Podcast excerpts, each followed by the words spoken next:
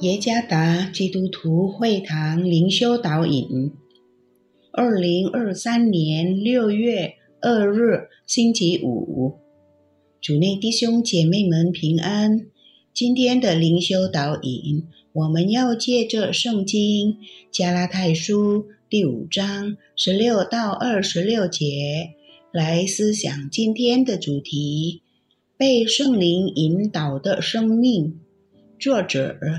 林金仙传道，加拉太书第五章十六到二十六节，我说：你们当顺着圣灵而行，就不放纵肉体的情欲了。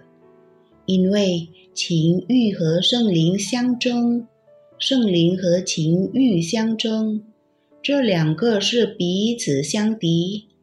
使你们不能做所愿意做的，但你们若被圣灵引导，就不在律法以下。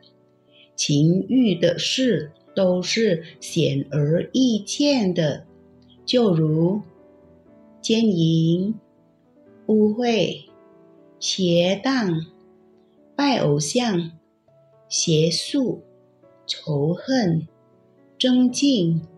记恨、恼怒、结党、纷争、异端、嫉妒、醉酒、荒宴等类，我从前告诉你们，现在又告诉你们：行这样事的人，必不能承受神的果。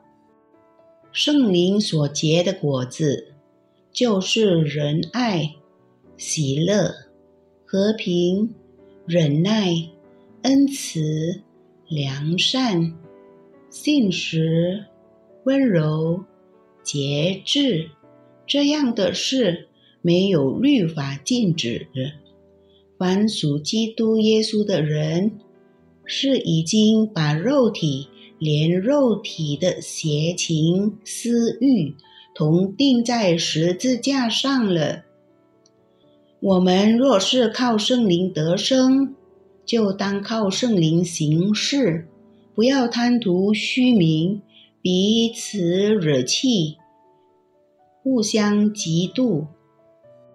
蜜蜂是勤劳又恒心的动物，它们寻找食物，并将其收集在蜂巢中。生产甜美的蜂蜜。蜜蜂的力量在于蜜蜂蛰针，可以用来保护自己免受捕食者和威胁。不过，这个蜜蜂蛰针也是成为它的一个弱点，因为当蜜蜂使用这个蛰针的时候，这针就必脱落，而它就会死，就像蜜蜂不停地采集花蜜，造出甘甜的蜜一样。我们信徒也必须不断勤奋地采集神话语的真理，以便在生命中结出甜美的果实，从而。取悦神和他人。使徒保罗知道加拉太人对主耶稣的信心不再坚定，他们离开了真道，返回未信基督之前的样子。保罗斥责那些依靠自己的力量，让自己活在旧习惯和肉体情欲中的人。他劝勉他们要活在圣灵的引导下，以便在他们的生命中结出圣灵的果子。当我们相信基督时，必须离开我们随从肉体情欲的旧习惯和生活。我们必须愿意生活在圣灵的引导下。